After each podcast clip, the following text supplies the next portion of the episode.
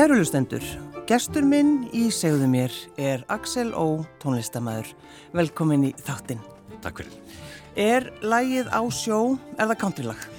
Já, það kom mér óvart, eða kannski ekki óvart. Ég hérna, var einmitt að veltaði fyrir mjög daginn. Það var eitthvað sem sagði að, að mikið af uh, sjómanalögum væri countrylög og ég fór að tekka á því og þetta lag er eftir Don Wayne og hann er frá Nashville, Tennessee og, og hann hefur aldrei gert annað en að semja countrylög. Já, þetta er bara frétt. Þetta er bara, þetta er bara les. og einhvern veginn ekki það fyrsta sem hann er dettur í hug þegar maður heyri lægið á sjó. Nei, svo líka eins og lægið í landhelginni með Höggi Mortens, það er bara bullandi countrylög. Það er það. Já, og mér, ég held að sjá byggilega eitt þriði af sjómanlögunum séu það. Já. Annarkvæmt eru írsk úr country eða svona mm, rúsneski eitthvað mm. svo leiðis. Mm, mm. Hvernig er það, gáttu marga kúrka þetta, Axel? Ég hef með tvo eins og er, já kannski þrá, mm. ef, ef við tel svona stráhattana. Já, en er það þannig að ef maður syngur country þá verður maður að vera með, með kúrka þetta? Nei, alls ekki. Sko. Þa, það er bara svo merkilegt sko í, í svona harða country heimi þá þá eru artistatni sko með svona ímynd, annarkvært er þeir kúrikahatta ímyndin eða ekki, mm. sömur alltaf með svona baseball cap aðrir eru bara aldrei með hatt og svo eru aðrir sem eru, svona, eru, eru með hatt. Mm. Það er ákveðin svona kultúr innan, innan þessar tónlistar. Sko, þegar þú flyttið til Texas þá ertu 16 ára mm -hmm. og kannski ekkit endilega tilbúin að fara frá Íslandi eða hvað? Jú, ég var, var nálega, ég hafa svona æmyndir að þrá í mér, sko. Mamma og hennar maður þau fluttið til Texas, já, þegar ég er 16 ára, eða fyrst til Oklahoma og svo nefndið Texas og ég, ég var tilbúin í það. Mér, mér fannst svona já bara vildi prófa eitthvað nýtt. Og þetta var svona þannig að, að maður var orðin í Íslandingur og ég kem náttúrulega sko verið 17 ára þetta sömur sem ég kemur út og, og þá fæði maður í high school og, og þetta er árið sem móta mann hvað mest, þetta er maður alveg tilkjöful móttækilegu fyrir nýjum nýjum hugmyndum og, og svona hvað við segja, bara maður er mótaður sem personleiki og þetta eiginlega gerir mér svona líka amerikana og en þetta í dag þá var ég mjög amerískur að því að ég er hann í, frá 16 til 26 þá er ég bara í Ameríku og, og ger ekkert annað. Já. En hvernig var að búa þannig? Þú varst í Hjústónu, það ekki? Ég var í Hjústónu, já. já. Það var mjög, mjög skemmtilegt, sko. Ég, hérna, maður vann í mig störfi, ég held að með síðasta djópið sem ég var með, þá vann ég hjá Compaq, sem var þá eitt stærsta tekni, tölvutækni fyrirtæki í heimi. Þetta er, þetta er, þetta er sko á undan Microsoft og Apple. Mm. Þegar ég verði það voru 36 mann sem unnaði hana og við vorum með 75% af markasluð til fartölum í heiminum og bara þannig að ég vann í Hjústan alltaf að gera 10.000 manns bara, bara í þeirri, þeirri starfstöð þannig að þetta fekk maður að kynnast þetta er 88 þannig að maður að kynnast uh, hugtökum sem í dag þykja bara eðlilega eins og quality commitment sem er, kemur frá Toyota þannig að var þetta óþægt þannig að ég fekk rosalega góðan skóla svona fyrir lífið að, að fá að vinna hjá svona stóru fyrirtæki svona snemma En eh, fólki sem býr hana, Já. er það skemmtilegt? Já, það er mjög, það er rosalega kurtist og uh, ég, það er svona, uh, söðuríkin eru þannig að, að fólk, fólk er alveg upp, uh, það er trúað eins og við þekkjum. Ég, ég ólst fyrst upp í biblíubeltinu hann í, í, í, í Tálsa og síðan náttúrulega sko Texas er, það er mikið svona, þetta er mjög trúaleg samfélag, fólk fyrir mikið í kirkju og og hugsa mikið út frá kristni. Mm -hmm. og uh, það kemur mikið fram í söngtekstum og öðru og, og, og það er ósalega mikið svona kurtesi og, fólk hérna það opna dyr hvert fyrir öðru býður alltaf góðan daginn og fólk sem hittir í í hérna grocery store, ég er byrjað að hugsa hans sko hérna byrjað að hugsa, hittir í búðinni það, það, hérna, það er vingjarlegt og og það, er, og það er bara sjálfsagt að vera vingjallegur og jákvæður og bjóða fólki góðan daginn og svona spjalla eins, svona small talk eins og maður segir. Þannig, jú, það, var gaman að búa í Texas, ég, ég kann vel við fólki í Texas. En þegar þú komst heim, Axel, þá einmitt fórst að gera þetta, þú fórst að, að, að hérna, opna, opna, opna hurðirnar og heilsa og, og það var svona, fólk var bara Já, þetta er, þetta er svona, já, 90-91 þegar ég kem, þá, þá var ég mjög amerískur og ég böði alltaf öllum góða daginn og helsa öllum sem ég, ef maður hitti fólk á gödun og náði ykkur aukkontakt, þá böði maður góða daginn, svo góða daginn og hva, ég þekki því ekki, hva, þetta er stórskrytið maður. Já. Við vorum svolítið það, já, þar á þessum tíma. Já, ég menna, ef maður fór út í banka eitthvað, þá bara ruttust með naða næsta gælkjæra, sko, bara, bara handálemál. Og ég segi bara, veit þetta fólk bara ekki hvað ræðir eru, sko. Hérna. En svo lagast þetta svona hægt og rólega. Já, við erum, við erum orðin alltaf öru sína. Já. Ég ætla að vona það. Já, þetta aðeins. en eh, mér langast að heyra þig tala um ródióið í Hjústón. Já. Sem er, hvað, stærsta ródió Já, í heimi. Já, bara stærsta í heimi. Já, en ef við googlega þá, þá, þá, þá sér maður að rótjóðu þannig að þetta er svona landsmót testamanna í Texas og uh, þetta byrjar, þetta er 20 daga uh, samkoma sem er haldin í, í hérna Reliant Arena sem er, eh, tekur 85 massi seti og þetta er einhverju 20 hektara land sem ég takk undir þetta. Það koma hann að 2,5 miljón manna á 20 dögum í gegn og dagskránið þannig á hverjum degi þá ferði fyrst í tífóli sem er rússubönum og öllu bara eins og þekkjum. Síðan fara menn í, í hérna svona eh, veitikasvæði sem er ábyggilega hektari og það er borðað barbecue og svo fara menn í vestlænindar að kaupa sér kurga hatt á leiði ekka og skoða nýjustu traktoruna og, og svo leiðis og síðan, síðan klukkan 6 þá byrja róti og dagskráðan þá fara menn inn í Reliant Arena sem er það sem að, hérna, ég man ekki hvort það er hérna, hópáltaliði eða, eða harmáltaliði sem spilar, ég man það ekki.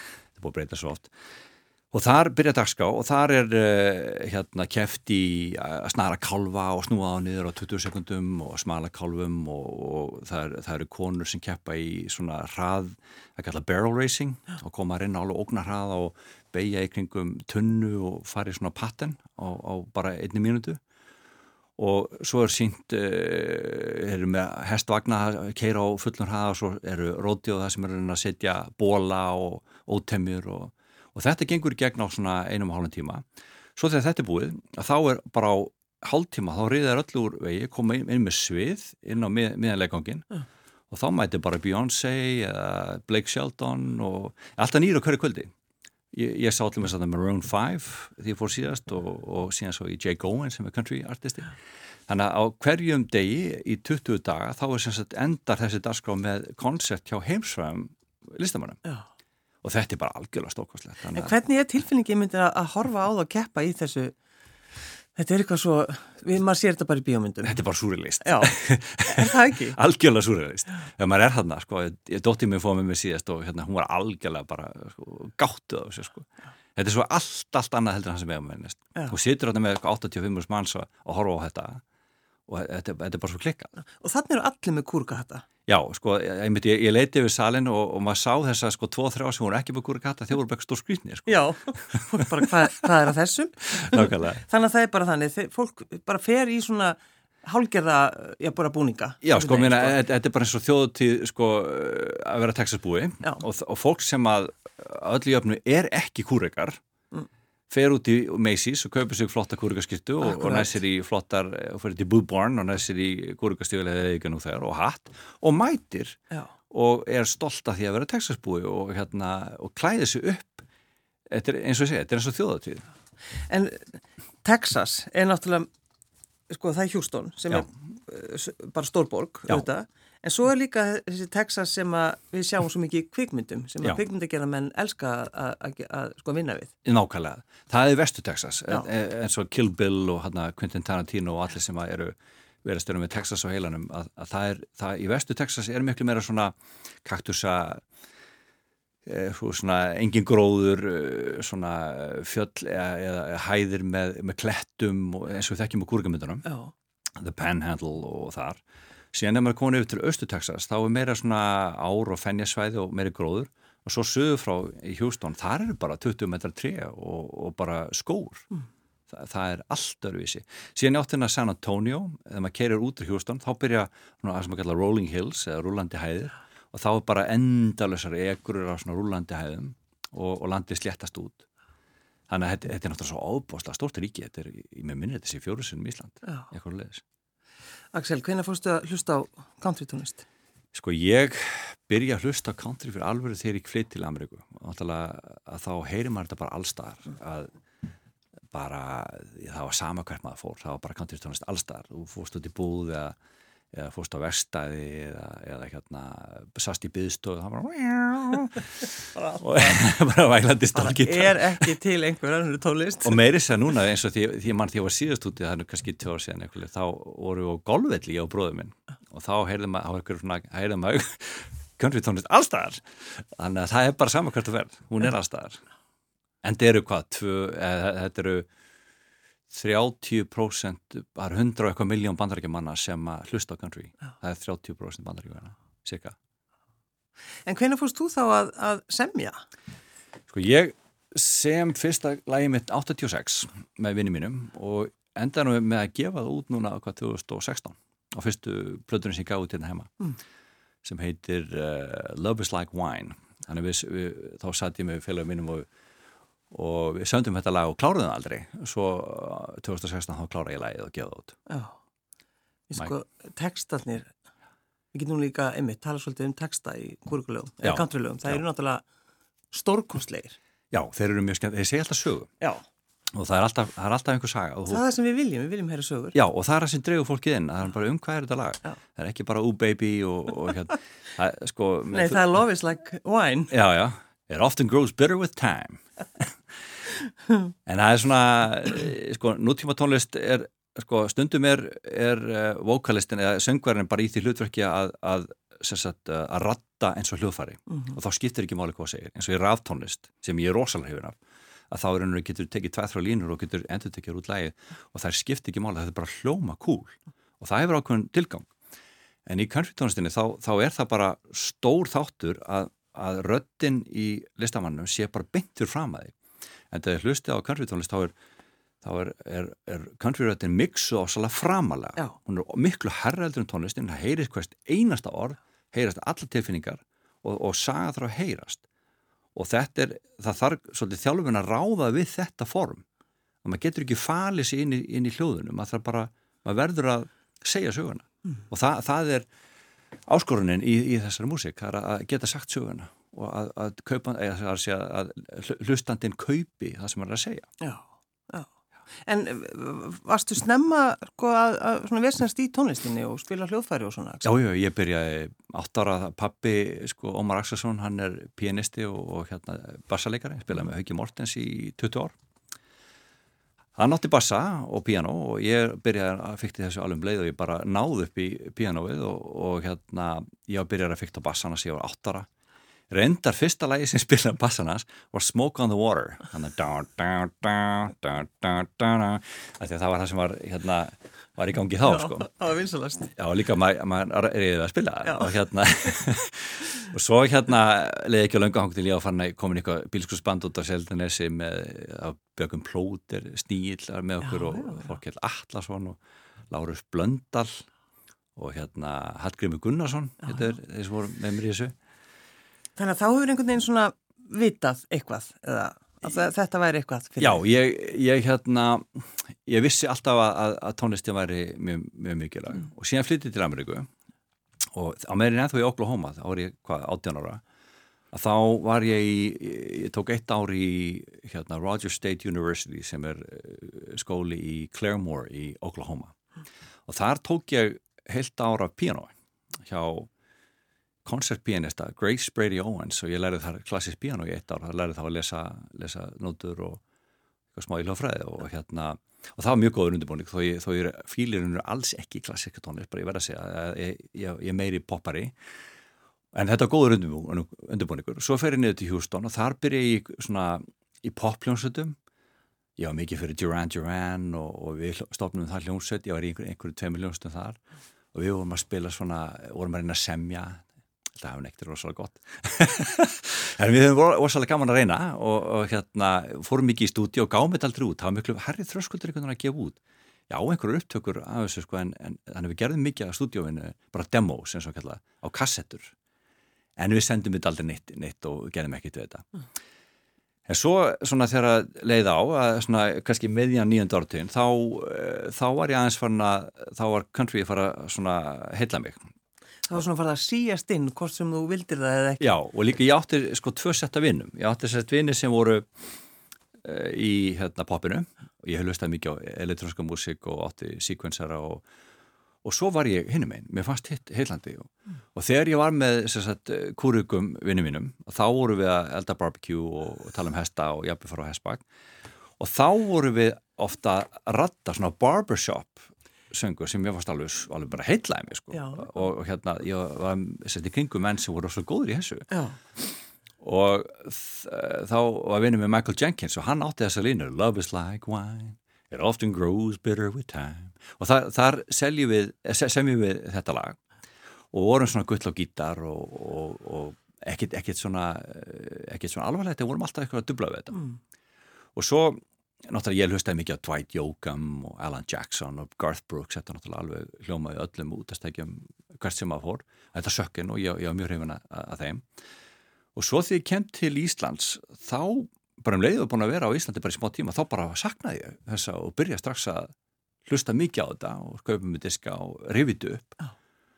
og einhver tíma svona upp úr 2000 þá sagði ég konar mér að herri nú ætla ég bara ég ætla bara að gera út af þetta, ég ætla bara að gerast country tónlistamæður hérna á Íslandi og ég ætla bara að fara alveg út í þetta að, að gera country tónlist. En ég meina, þú veist, að taka þessa ákvörðun, Axel, þá verður maður bara að spyrja þig svolítið svona út í segluna einhvern veginn. Er, ertu bara, hefur alltaf verið svona? Ég er svona dellukall.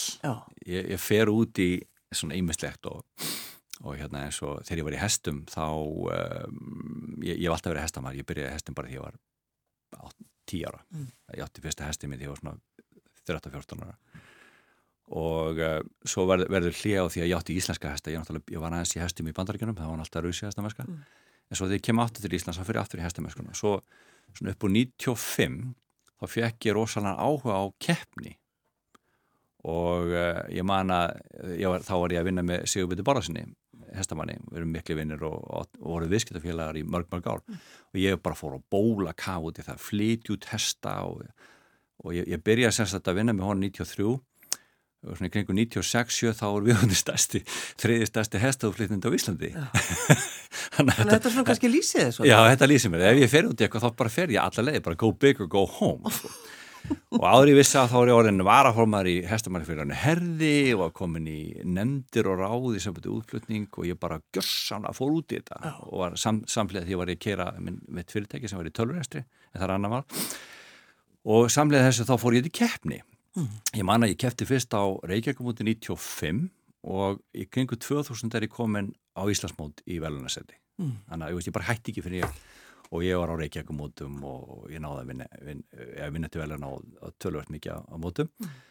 og ég, bara, ég varði að gera þetta. Ég var bara að fara í slant á því komst og þannig bara hef ég gert mjög marga hluti. Já, ertu hættur í herstunum þá eða hvað? Nei, nei, hestamerkjum er svona hún er þannig að annarkvæmt sko, þegar maður er komin á þetta steg að taka þetta svona alvarlega að ég nenni ekki að vera í þessu nefnum ég geti verið alveg í því. Mm. veist, mað, mað, þegar maður tekur inn hest að vetri þá er maður búin að komitta sig sko, að vera með þennan hest bara mörgur sem í viku. Þetta er bara eins og taka þessi bann þú verður bara sinnunum þú fer ekki einu svona í tjóðsir mánuð þú verður bara að fara á hvernig degi og ég hef bara einhvern veginn við haft svo mikið að gera núna í, núna í ára, ég hef ekki, ekki tekið hestan í núna, ég gerði ekki heldur síðastu veitur en þar áður var ég með hestahúsi. Oh.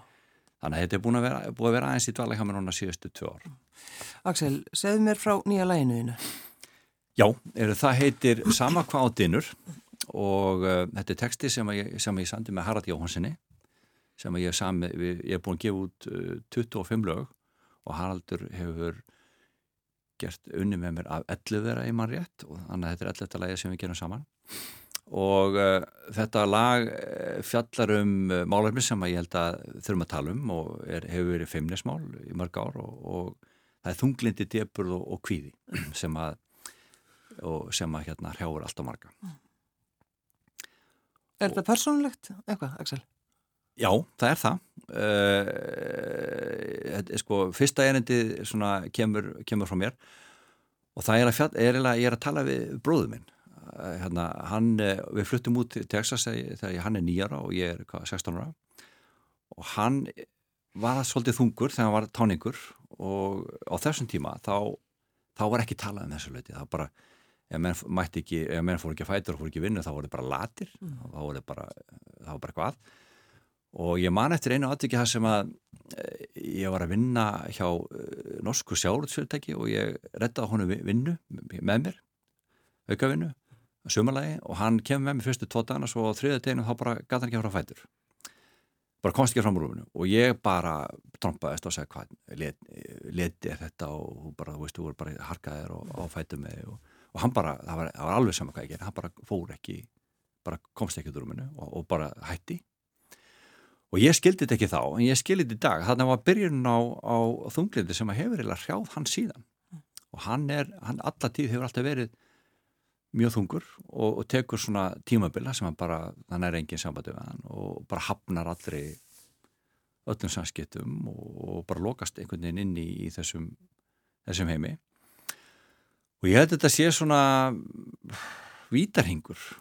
Að, að fólk sem er kannski ekki svona uh, depressed, þar að segja að það er ekki að það er ekki það fungerar en það er svona alltaf á jæðrinum að, að þetta kemur svo niður á bara lífinu og og samskiptum mm -hmm. og hann, hann er þar, hann er einnig þessum hann sem að mjög þungur Og er hann, hvað býr hann í bandaríkjunum? Hann býr í, í Texas, já. já Og, þú veist, hefur það samband við hann? Hvernig, hvernig er það? Það er mjög erfitt fyrir mig að hafa ég, ég, ég, eina leginn fyrir mig að hafa samband við hann er þegar ég fer út og hitta hann það, það, það er, maður þarf bara að sitja fyrir fram hann sko, til að ná samband við hann hann er mjög, það þýðir ekkert að hafa neins samskiptið hann í gegnum dölubóst eða samskiptið meila sko. Veit hann að þú voru búin að samja lag um hann? Já, ég, ég verði eiginlega trist að eh, fjölskyldið mér segja hann frá því Já. og ég er náttúrulega búin að segja þeim frá því og, hérna, og, og, og hvað hann það kemur. En þetta er allt annað heldur en þú hefur verið að gera, Axel. Þú veist, það er þetta, þú bæði að, að syngur á íslensku Já. og svona persónuleg. Já, hérna sko, ég, ég er búin að prófa allt, eh, ég er búin að gefa út 25 lög og uh, svona á fyrstu blöðurinn sem gerum Open Road þá, þá fóru svona víðanvöld þá, þá var ég kannski svolítið svona að debutera sem fyrir Íslandingum að ég, hver ég væri og, og þá reyndum við að gera svo margt þannig við, við erum með lög sem erum með mjög svona típiskan uh, taktfastan country svona ákveðin lestar hljóm og svo erum við önnu lög sem eru meira svona country rock með miklum ramaskýturum önnu lög sem er bara kassagítar pick við erum með duett uh, með konur frá Texas og, það, og svona þannig að, ég, þannig að, að þeirri plötu var alltaf ennsku síðan gef ég út fyrsta lægi mitt á íslensku það var hér ég segi og það var í lennum bara íslensku útgáða The World, það er textið til Kristján Hensson mjög skemmtilegu texti. Og síðan næsta allavega mína íslensku var lægi Tíminn stendur aldrei kyrr sem var nú mikið spilað hér á, á Rástvö í fyrra í, í februar 2019 fóð mér þessi í fyrsta seti á einsaldalistar ásættu og það er svolítið gaman að þýla ég, ég, ég fyrir allir inn í bíkonum og húsmiðunum að heyra þetta lag, þetta kom á playlist út um allt, Já. það er mjög skemmtilegt og síðan er þetta lag núna sama kótinu, þetta er sem sagt uh, önnur allag mína íslensku Já. og uh, og lægið, ef svo ég tala um sama kótinu, þetta er pródúsir af Jóhanni Ásmundsinni. Ég var einmitt að taka saman að við erum búin að gera, Jóhann er búin að vera Jó Ásmunds og Messofort sem allir þekkja, hann er búin að vera með mér í hvað 25 lögum þannig að þetta er 25. lagi sem við gerum saman og hann pródusera þetta og við fórum svolítið aðra leið í að gera þetta lag. Það sem við gerðum var að ég kem með lag til hans, ég, ég vinn þetta alltaf þannig, ég, ég tek allt upp í heimastúdin ég klára lögin, tek þau upp og spila allt inn og, og klára það, fór þetta trómur svo kom ég með lagið til hans og sagði hérna lag, hvað við gerum þetta og, og hann sagði ok, heyrðu, ég skal, skal koma hömynd og, og þá býr hann til annað demo þar sem hann hugsaður upp uh, sagt, hvernig trómmunni er að vera og hvernig hrínjendinni er að vera. Og hann sagt, gerði nýtt demo og ég syngi verið það. Síðan strypuðu það niður og það senduðu til Texas. Og þar er maður sem heitir Milo Deering sem ég er búin að vinna mjög mikið með núna síðust ár. Hann var líka með á Open Road og ég er mikið hlunum minn. Og hann spilar kassagítarna og stálgítar og mandolin síðan fór þetta yfir til næsta manns í Texas sem heitir John Carroll og hann spilar ramaskítarna og þá, þá höfðu þeir svo mikil áhrif á lægið að lægið kemur tilbaka og þá segir Jói, já, heyrðu, ok þetta er komið í þess að, þá skulum við breyta trómunum og þá er það trómaðin aftur og nýr bassi.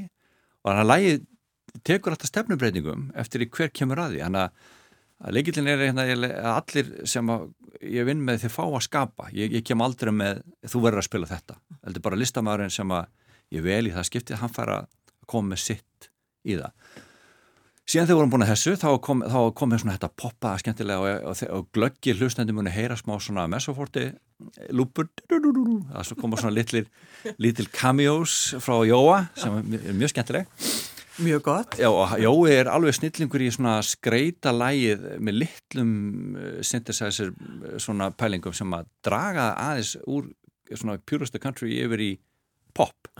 Og þegar þetta var komið þá áttu okkur á því að það var svona pínillig gospel feelingur í þessu.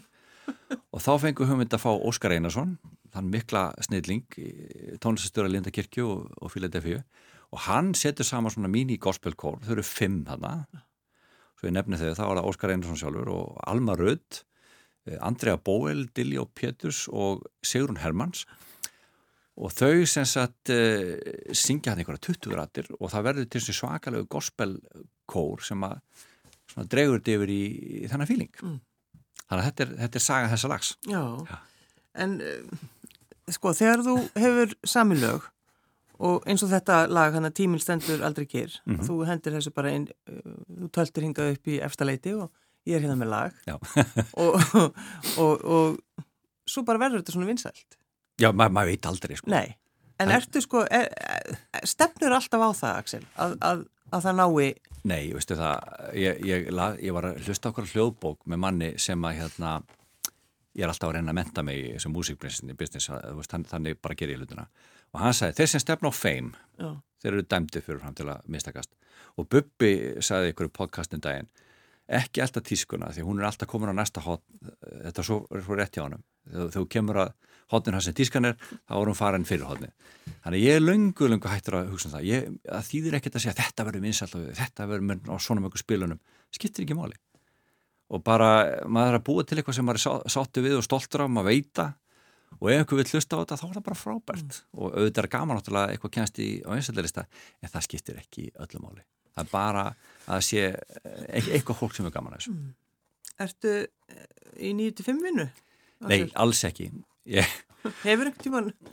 Já, já, ég, ég hef verið nokkur nýttu fimminu svona með, með hrif ég, ég hef alltaf verið aðtarnum aður og hérna Já, það, er það ekki mitt, kannski svolítið lýsingin jú, að, að jú, jú, algjörlega. Já. og sí, síðasta verkefni sem ég fór ég var að, við, sko, ég var í Berlín uh, með fjölögum mínum uh, fjórum Hilmari Sigurssoni og gesti Óla Öðinssoni og, og Bjarni Bergmann svíja og þá vorum við í Berlín. Mm. og þá vorum alveg mjög flotta landaregn sem að eh, hérna var gamla lestastöðabyggingar og við vorum hann í sjö ár og það sem gerðist með þessu byggingar þegar maður breytti í nætuklúpa og, og veitingastæði og listasöfn og ég veit ekki hvað og hvað. Og þar, feng, þar, þar fengum við mikla reynsli svo fóru út þessu verkefni hvað 2016 og við fórum allir saman inn í annað verkefni, það, það heiti Bryggjan í Grindavík og þá málið það sveili minn Kristinn Jóhansson og, og hérna, bróður hans aðasteytn Jóhansson þeir, og þeir og þeirra fjölskyldur hefðu stopnað sem sagt eh, veitingastæð sem heitir Bryggjan. Mm. þeir eru netekjara menn og voru með netekjara vestæði og, og þeir hefðu opnað sem sagt eh, kaffihús á neðstuhæðinni og voru með netekjara vestæði uppi. Svo vildi þeir eh, sagt, hætta þessu og við, við kaupum þetta og tókum þeirra svona sín og allalegð og op, tókum netekjara vestæði og minguðum netekjara vestæði og opnum veitingasal og tónleikastað uppi. Það er þúsund eh, fermetra salur. Þannig í dag er þannig uppi eh, hægt að eh, sitja hérna og, borða mat og hlusta tónlist og þú horfir á netikjaramann í vinnunni hinn með við glerið sem er raunvulegt vestæði sem er að vinna verkefni fyrir raunvuleg sjálut Já, ég ætla að segja, þetta er ekki einhver svona bara einhver síning fyrir þá sem er að koma að borða? Nei, og þetta var komið á þvílitt flög við, vorum að klára þessa framkvæmdið lók 2019 og, og bókunarstaðin fyrir sko 2020 var bara þvílík. Vosa, gott plan hjá okkur. Já, akkurat þegar vorum að, að detti í gerin þá kemur COVID, því miður. Og þannig að við, þetta er í dvala Þannig að þarna fór nú nýju til fimm vinnan fyrir lítið hjá mér. en, en það sem er kannski, það sem er núna á sveimi, það er hinn heimsfræga humorsúpa. Já. Við getum já. ekki hægt, ég get ekki sendið þig út í daginn fyrir nú talaðins við með um súpuna. Nei, það, hérna, þessi humorsúpa sem að þeir félagar Kristinn og Aðstedt hérna, byrjuðu með, við hefum haldið áfram, hún er svo fræg að, að hérna, Sigourney Weaver sem var í Alien og hún kom hann að rakin og blöyt einhvern tíman inn á bryggjuna og var þvælast eitthvað hérna á Íslandi Já. borðar þessu hummusúpu og, og svo veitir menn ekki sögunum meir nema svo er hún í viðtali hjá einhverju magasíni í, í New York og þá, þá var hún í svona yfirherslu og þessu hver er besti matur sem hún borða hún sagði að það var eitthvað lítið kaffei í Grindavík á Íslandi og þar var humarsúpa sem bara er besti matur síðan nokkuð tíma að borða mm. Og þetta fó, þessi saga fór fullum herra og hefur loðað við staðin síðan Já, þannig að uh, fólk hefur kannski komið til þess að Já, staðin hefur líka endað einhverjum ferðabókum og það er alveg, fólk kemur alveg langt að bara með, sko Ég var að fara á hann litla stað hann við höfnuna í Grindavík. Það sem heimsfræði og humarsúpan er. Já, það er alveg mekkilegt. Axel, sko, ég segi country. Já. Segðu þú country? Country. Já. alltaf þú ert að tala, þú sést að tala íslensku, þá kemur alltaf þessi skemmtilegi tótt þegar þú segir country. Já, þetta er svona Það er svona líka sko ef, ef ég er með bræðum minnum í þrjá daga þá, þá fer ég alltaf dýbra og dýbra inn í Suðuríkja hægjáldu en pretty good. Já, verður alveg. Færðu alla leið. Já. En hvað er svona framöndan núna? Ætlar að halda áfram bara, já, semja tónlist? Já, ég sko, ég, ég, ég hætti aldrei, þetta er orðið bara fíkn að búið til tónlist. Ég hef svo mikið að segja. Ég er núna á leginni bara í stúdíu og ég er að klára lag, ég er að, ég er að taka upp lokasöng á 50 daginn fyrir næsta lag það eh, kemur út reyndur á ennsku, það er miklu meira svona eh, sniðið af Texasmarkanum þá, þá verð ég að fara í ákveðið sound og ég geri ekki svona til þess að ég gerist mjög teknikal eins og síðasta lag sem ég gerði núna sem heitir Not Built for Love mm. það, ef einhverju hefur hirt það, þá er það svona pop country ja. og þar fórum við jói svona Þa, þá erum við með allt þetta stálgítarinn og banjóið og, og, og hérna mandolinnið og, og ramaskittarina nema svo komum við með svona pop-sound donaða og það er ákveð fólk sem fíla það sem þjóðverðin er alveg elska þetta, þeim veist þetta gegja mm. en ef þú ætlar í Texas Country Radio þá þarf þetta að fara í, það er íhaldsemi Já. þeir þól ekkert eitthvað einhver vik Þannig að þetta er eitthvað pop. Bara, þá er ég, nú, nú er ég að fara í mjög svona gammaldags eh, sko sound en samt modern country, sko það er, það er svona nútímalett en það er ákveðið sound á því og þá verður ég, verð ég að gera þetta mjög íhaldsaman hátt. Mm. þannig að þetta er svona næsta verkefni. Ég, ég er svona ferur inn í hana. En þá er það bara lægið þitt, Axel Ó. Við ætlum að enda á því. Já. Og þú er náttúrulega búin að segja okkur út af hverju þetta lag er og ef við ekki bara hlusta á það? Já, takk fyrir það. Axel Ó, takk fyrir að koma. Takk kærlega fyrir mig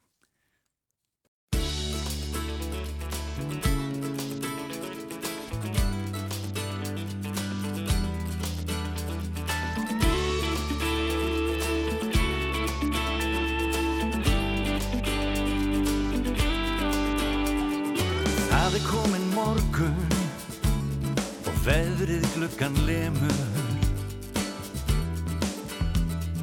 Þú sér ekki tilgang, býtu þetta kemur. Og þú mátt ekki hafna, vináttu og hlýju. Fólk sem þér vil hjálpa fóta þig að nýju Ekki missa móðinn þótt myrkur sæki að þér. Sem mun tíðin vakna ráðum en ég hjá þér. Þú veist ég er þinn vinur þú getur test á mig. Sama hvað á dinu ég mun alltaf styðja þig. Alltaf styðja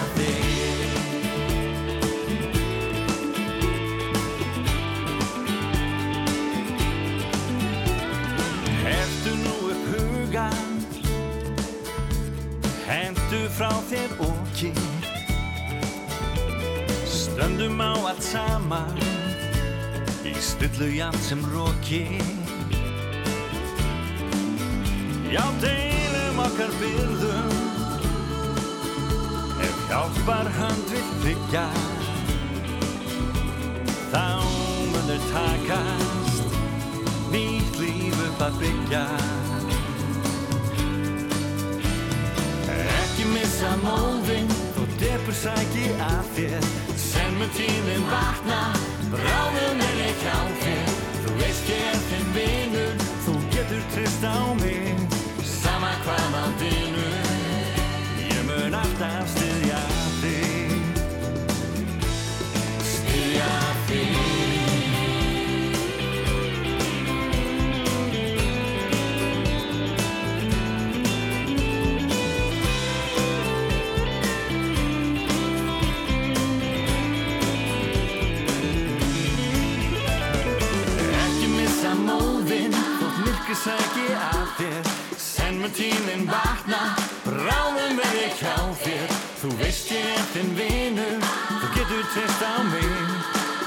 hvað á dinu.